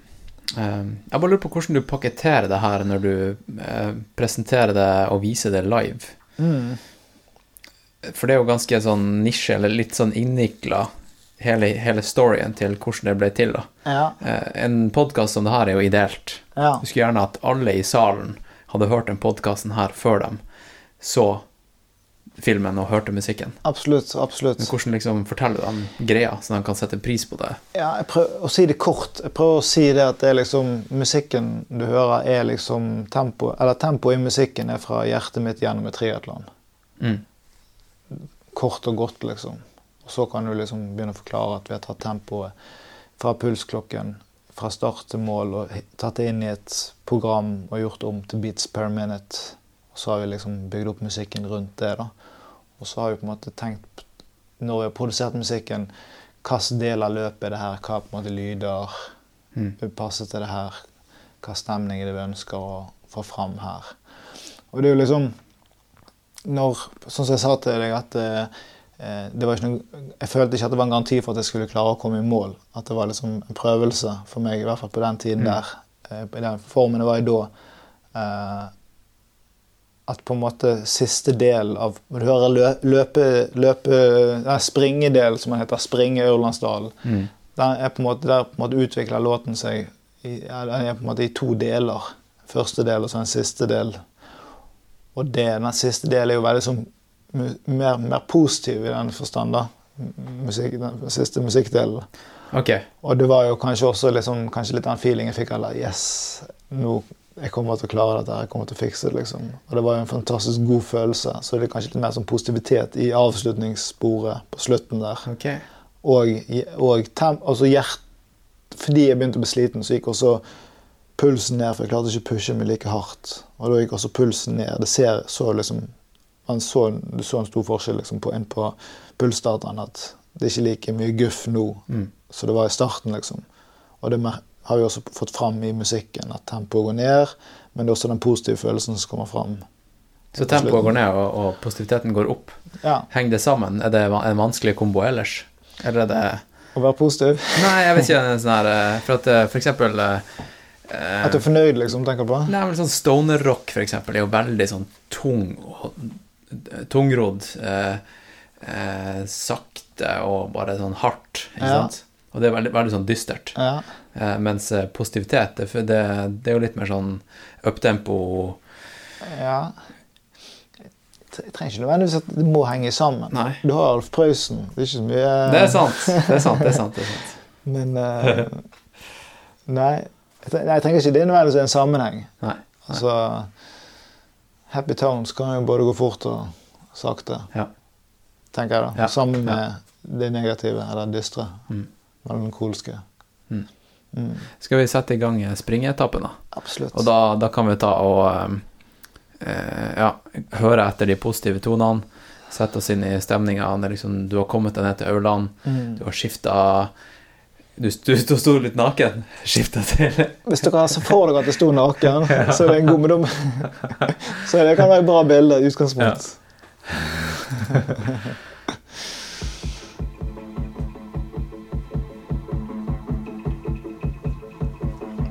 Går ganske rett på sak her med sånn eh, Det her er på en måte, det her, akkurat det partiet her vil kanskje litt som det du kan se for deg når du, du kommer ned bakken, det flater ut, du sykler gjennom Ørland eh, sentrum. Du er litt sånn i sjokk, eller? Nei, nei, for du kommer jo ned sant? Ja. fra bakken. Og så sykler du faktisk et par kilometer på flaten Mm. før du kommer til skiftesonen igjen. Og dette er på en måte litt det mellompartiet der, da, kan du si. Fra sentrum til skiftesonen Mm. okay, før du begynner å løpe. Ja. Det er sånn lite parti der. På noen kilometer. Og nå er vi i gang med løpinga. Mm. Ja. Nå løpes det. Da tar vi og spiller av resten av sangen her. Så kan det- dere forestille dere Du kan kanskje beskrive landskapet. Ja, det kan jeg gjøre, for dette her var faktisk det året Jeg tror faktisk det var det siste året det var skiftesone før tunnelen, før raset kom. Og etter raset så måtte man sykle gjennom tunnelen. For egentlig så går løpet på utsiden av tunnelen. Utrolig fin, litt sånn, sånn sti. Gamleveien vil jeg anta at det var. Men så kom det et ras der som gjør at eh, løpedelen faktisk blir kortere. Som er jo ulempe for meg, dessverre. Men bra for de som sykler. Så du sykler gjennom tunnelen, og så kommer du liksom til skiftesonen før du egentlig går mer eller mindre rett i fjellpartiet. Men det er jo da en av de flotteste områdene i Norge. Altså, Auland. Ja, altså Jeg syns Ørlandsdalen som tur er mye, mye flottere enn la oss si Trolltunga. Trolltunga er jo et fantastisk punkt, men som tur, som helhet, liksom vandringsdel, så Ja. syns jeg Aurlandsdalen er kanskje en av de fineste stedene jeg har gått, som jeg virkelig vil anbefale folk å gå. For det, eh, det, det naturen forandrer seg sånn hele veien oppover gjennom dalen. Det er så stor variasjon. Du kommer til så mange fine steder. Eh, og så kommer du opp til Østerbø, og der er det jo Det er jo fint der. Er sånn, da du, du kan jo komme og få mat. sånn, Men liksom hele reisen oppover dalen er fantastisk fin. Mens turen liksom du skal gå bort til Trolltunga, den er ikke så spennende. Syns jeg, da. Men det er jo smakens baken. Men jeg virkelig anbefaler Aurlandsdal. Det er en av de finere turene jeg har gått. Det er mange som sier det, at det er liksom noe av det drøyeste Norge har å tilby. Ja, det er liksom det er liksom ikke målet som er, som er på en måte høydepunktet. Det er liksom turen. Det er reisen gjennom. Ja, Klisjé. klisjé. klisjé. Men da tar vi og spiller av eh, hele den sangen her. Ja.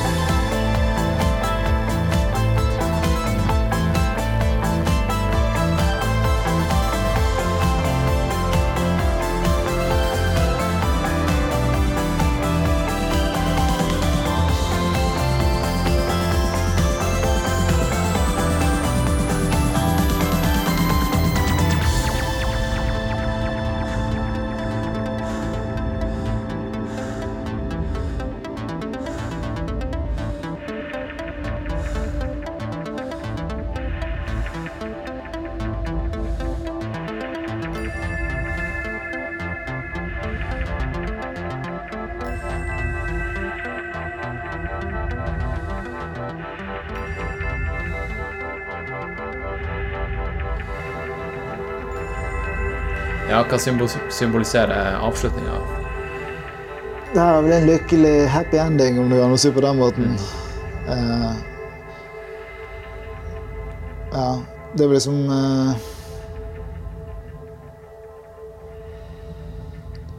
Det var i hvert fall en veldig god følelse. Jeg husker det var en veldig god følelse, den målgangen der. Og, og så er det jo noe med det altså, Jeg merker jo ofte når jeg hører på musikken sjøl, ikke at jeg hører så veldig ofte på den, men når jeg hører på den, så i og med at jeg vet hva det kostet å komme seg gjennom det triatlonet sånn kroppslig, liksom og jeg vet hva det, det, var, det, det er ikke en gratis reise, det er ikke bare å surfe gjennom et triatlon. på en måte. Du vet hva det koster. Så det er sånn følelsesmessig blir det, føler jeg det litt mer sånn knyttet til musikken enn det kanskje blir gjort på en av annet, andre ting som jeg produserer. For jeg vet at det kostet, kostet mer enn Ja. Det kostet litt å gjøre det, liksom. På en måte. Mm. Uh, og, i- og, det, og det var liksom det var, Og det igjen at jeg ikke visste om jeg skulle klare å fullføre eller ikke. liksom, sant? Og da få den følelsesmessige altså mestringsfølelsen. Så der og da betydde det veldig mye og føltes utrolig godt, liksom. Mm. Uh, uh, jeg binder jo det til musikken og hører på det. på en måte. Mm. Så det er en veldig sånn god følelse å, å ha knyttet opp mot musikken. da. Mm. Det betyr liksom mer enn bare musikken, og løp betyr mer enn bare løp. Ja, ikke sant? Ja. Hvilken sjanger vil du si at det her er? Er det space disco? Du kan godt kalle det space disco. Det er jo litt, uh, varierer jo litt egentlig fra parti til parti, da. Ja. Men det er jo liksom Altså Det er jo, altså det er jo sant? Du har jo alle slags Det er jo både synter og, men, og, og trommemaskiner, men det er også gitarer, og det er ekte trommer. Mm. så er det er elektronika Altså det, det er jo litt ymse uh, gjennom den reisen her, da. Men hvis jeg skal liksom si noe, bare for å si noe, så elektronika. Mm. Mm. Mm. Et eller annet slag. Ja. Det er vel det jeg ville sagt sjøl, da. Selv om det er jo egentlig Ja, det er mange Kanskje flere sjangre som krysser i hverandre i løpet av Ja, ja. Ja. ja. Kunst. Vi kan si det sånn. Ja. Hva, forresten, hva du tenker når du ser uh, 'recommended songs based on the songs in this playlist'? Så er det ja, selvfølgelig litt mer eh, angermunn her, men skal vi se, hva mer er det? Det er litt norsk, norsk musikk. Prins Thomas, Ja, det er jo, det er jo Det var- fett. det var litt gøy å se hva andre får opp. Ja. Mental Overdrive, det er jo kult. Skateboard ja, Fin navn. Ikke alle kjente til, men uh, ikke feil å få de opp. Nei, ikke sant. Har du noe mer prosjekter på gang, eller? Hvordan er liksom eh, musikerhverdagen? Absolutt. Eh, Jeg kom akkurat fra, fra studio.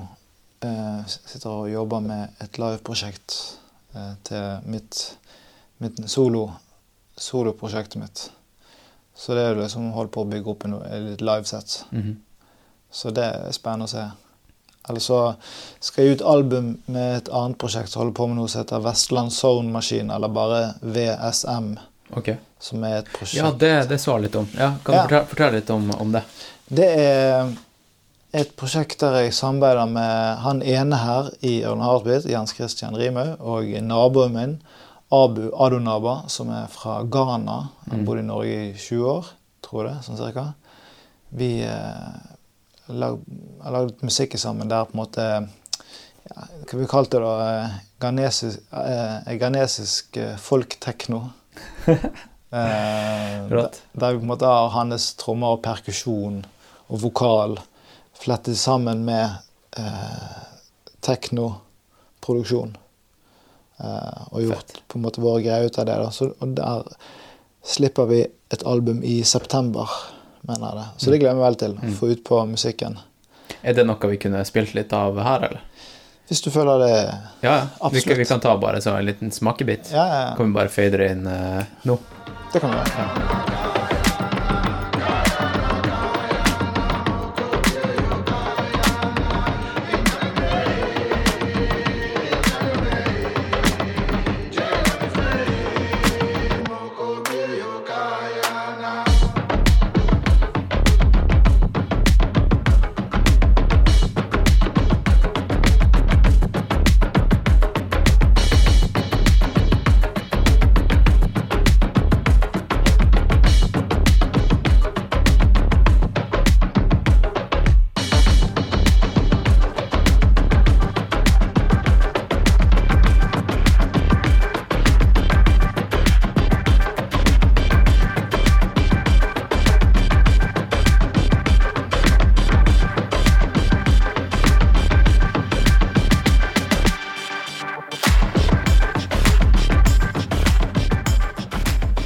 har ikke jeg hørt det, men uh, nå har lytteren hørt det. Ja. Jeg har selvfølgelig hørt det i uh, etterkant, mens jeg miksa det inn, Ja, men ikke nå, ikke nå, as we speak.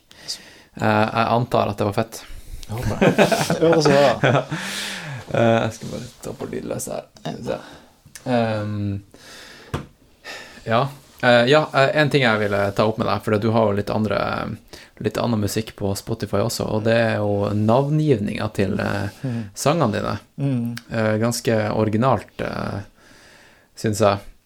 Eh, jeg kan jo eksempel si at en sang heter 'Skitne arbeidsnever'. Den andre heter 'Naboens sveler'. Her har vi en som heter 'Med mine fiskeboller i sekken'. Den er faktisk jævlig fet. Takk. Den er, den er jævlig fet. Takk. Eh, jeg, jeg, hørte på mens jeg sprang opp eh, Skredderdalen. Ja. Og eh, du vet når du springer, noen ganger i hvert fall med elektronika eller sånn her monoton musikk, så hvis det er Hvis det er en tekst som blir gjentatt, Mm. så får du det i hvert fall med deg, liksom. Mm. Eh, og eh, hva det var du sier? Du, du sier der med eh, Du lager teknomusikk. Eh, Mm. du lager musikk for huset. Mm. Ja. Eh, og eh, hva du sier om fiskeboller? Jeg spiser fiskeboller. Ja. Jeg bruker midi-kontroller. ja. Jeg vasker undertøy på 60 grader. Jeg går ut med bossen når samboeren klager.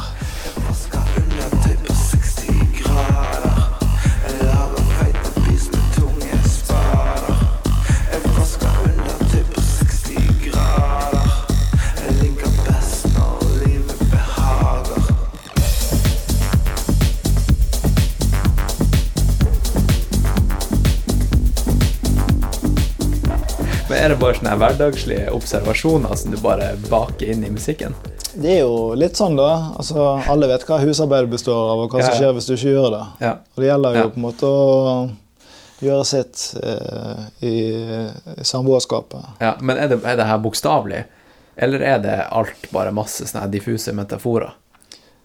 Det er vel eh, Det er ikke godt å si hva som kommer ut av hodet mitt av og til, men det er vel en salig blanding Ja. av eh, det meste. Ja, fordi å liksom ta masse drugs og sånt er kanskje ikke så forenlig med dobbel terskel. Så Eh, jeg vet ikke. Jeg tror ikke det Jeg tror kjenner meg sjøl rett. Eh, å eksperimentere med noe sånt tull som det der, det tror jeg ikke helt er min gate. Nei, så det er ikke der det kommer fra. Hjertet, Nei, det Nei. tror jeg ikke langt herfra. Det er egentlig bare sånn hodet mitt er, på godt og vondt. Men et, folk som apropos eh, både det ene og det andre, Mm. enten om det er doping eller om det er narkotika eh, At ikke folk er redd for hjerteinfarkt eller gud vet hva de kan få av å holde på med den slags EPO, liksom. Ja, for eksempel. Den type dop. Ja, jeg tenker jo det er det verdt det. For noen er det kanskje verdt det, vet ikke. Ja, ja, ikke sant. Ja. At noen er det vel Ja. Mm.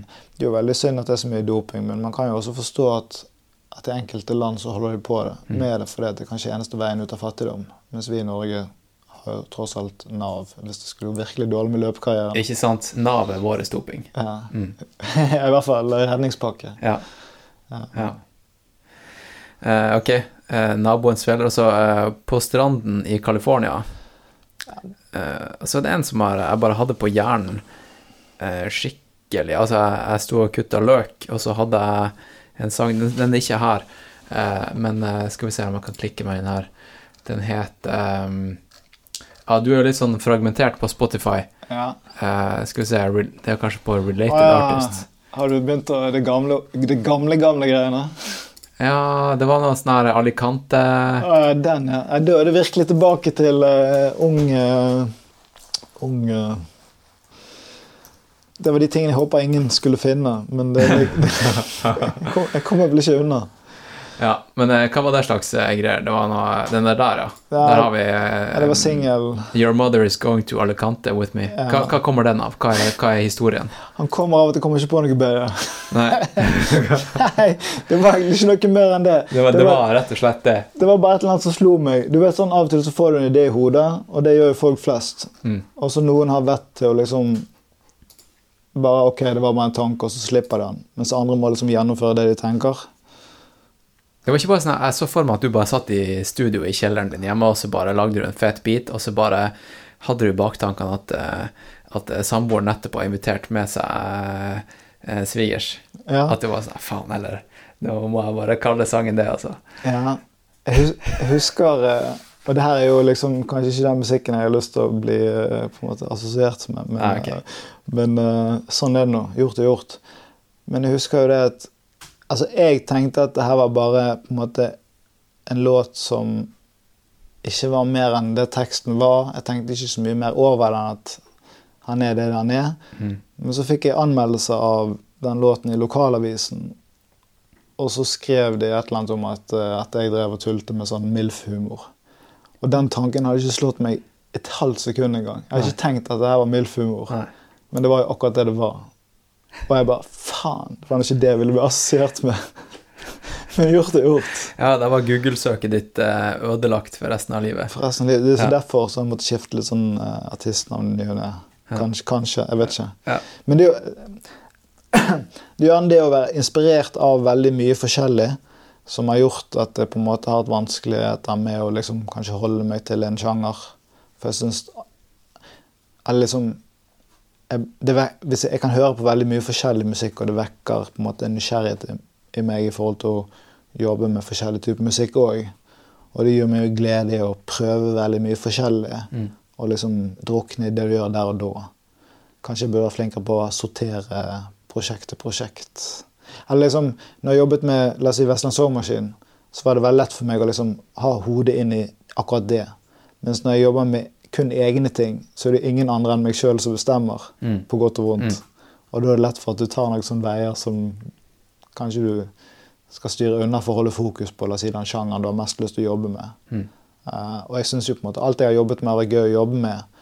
Men jeg vet jo hva jeg kanskje aller helst har lyst til å jobbe med. Men det er når jeg skal gjøre det alene, så er det vanskelig å holde fokus. Men det har jeg kanskje blitt litt flinkere til nå enn det var før. For de eldre tingene mine går jo, de skyter jo i alle mulige retninger. Det, det, det var jo gøy, liksom, men, men uh, kanskje nå er jeg litt mer bevisst på det. Ha litt mer, holde orden i rekkene. Mm. Gjør, hva, spil, gjør du noen sånne her, eh, små, små livegigs i helgen liksom, på, på byen? Nei, vet ikke. hva? Gjør du noe sånt? Eller eh, hva du gjør til daglig? Og... Nei, altså, etter eh, løpingen tok meg sånn for alvor Jeg har jo alltid vært glad i aktivitet, på en måte da, men etter løpingen tok meg sånn for alvor, så er jeg veldig lite ute på byen. Mest oppe på fjellet eller dessverre de senere årene langs asfalten. Mm. Ikke på bane, eller? Jo, faktisk. Jeg skal nå på bane etterpå Ja, ok. og trene litt intervall. Han er Kristoffer han som sitter i bakgrunnen her. Ja. Han har nå sittet og, sittet og fikla med en sånn her eh, laktatmåler. Uh, Eh, har jeg vet ikke, Hvordan gikk det, Kristoffer? Ja, det funka bra, det. Ja, hva du har i laktat eh, nå? Ja, nå, det jeg det i sted, så var det 2,8. To, må- to måter.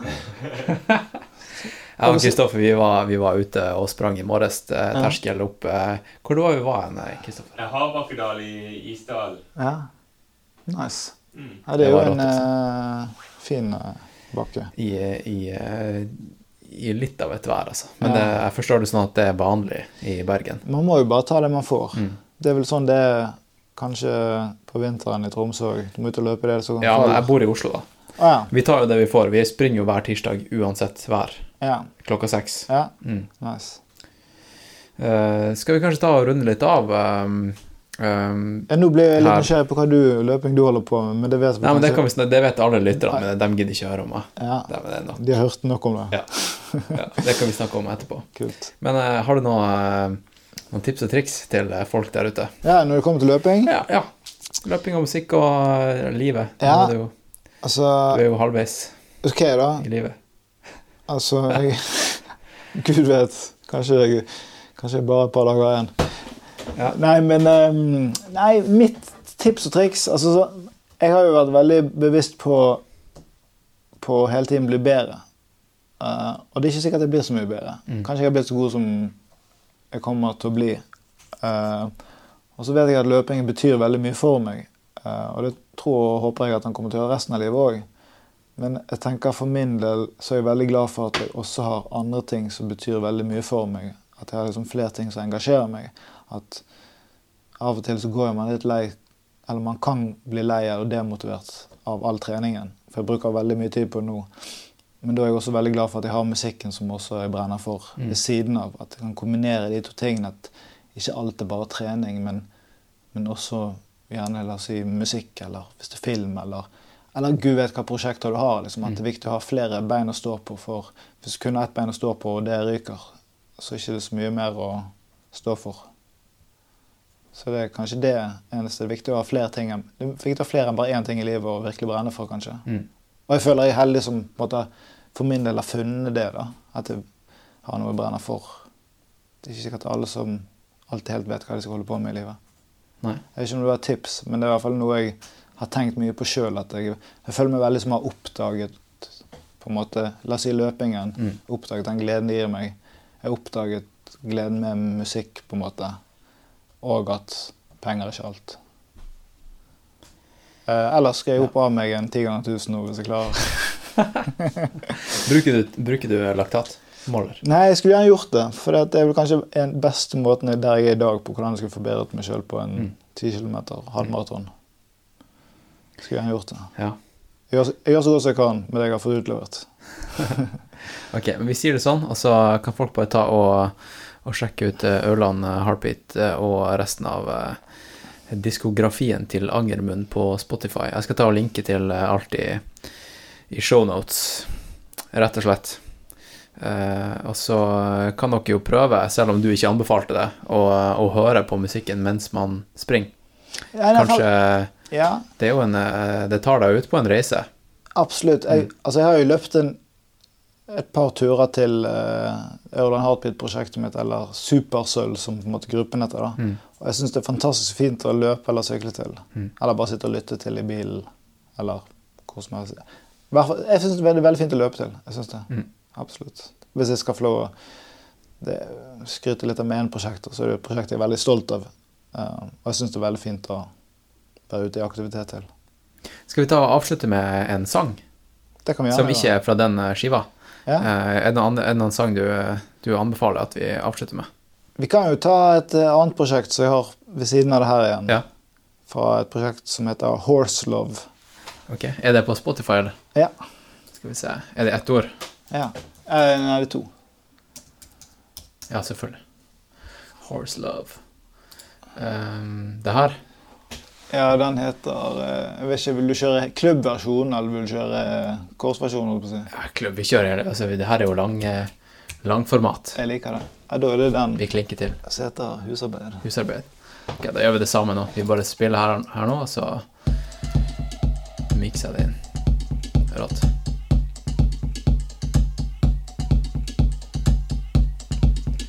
Da sier vi det sånn.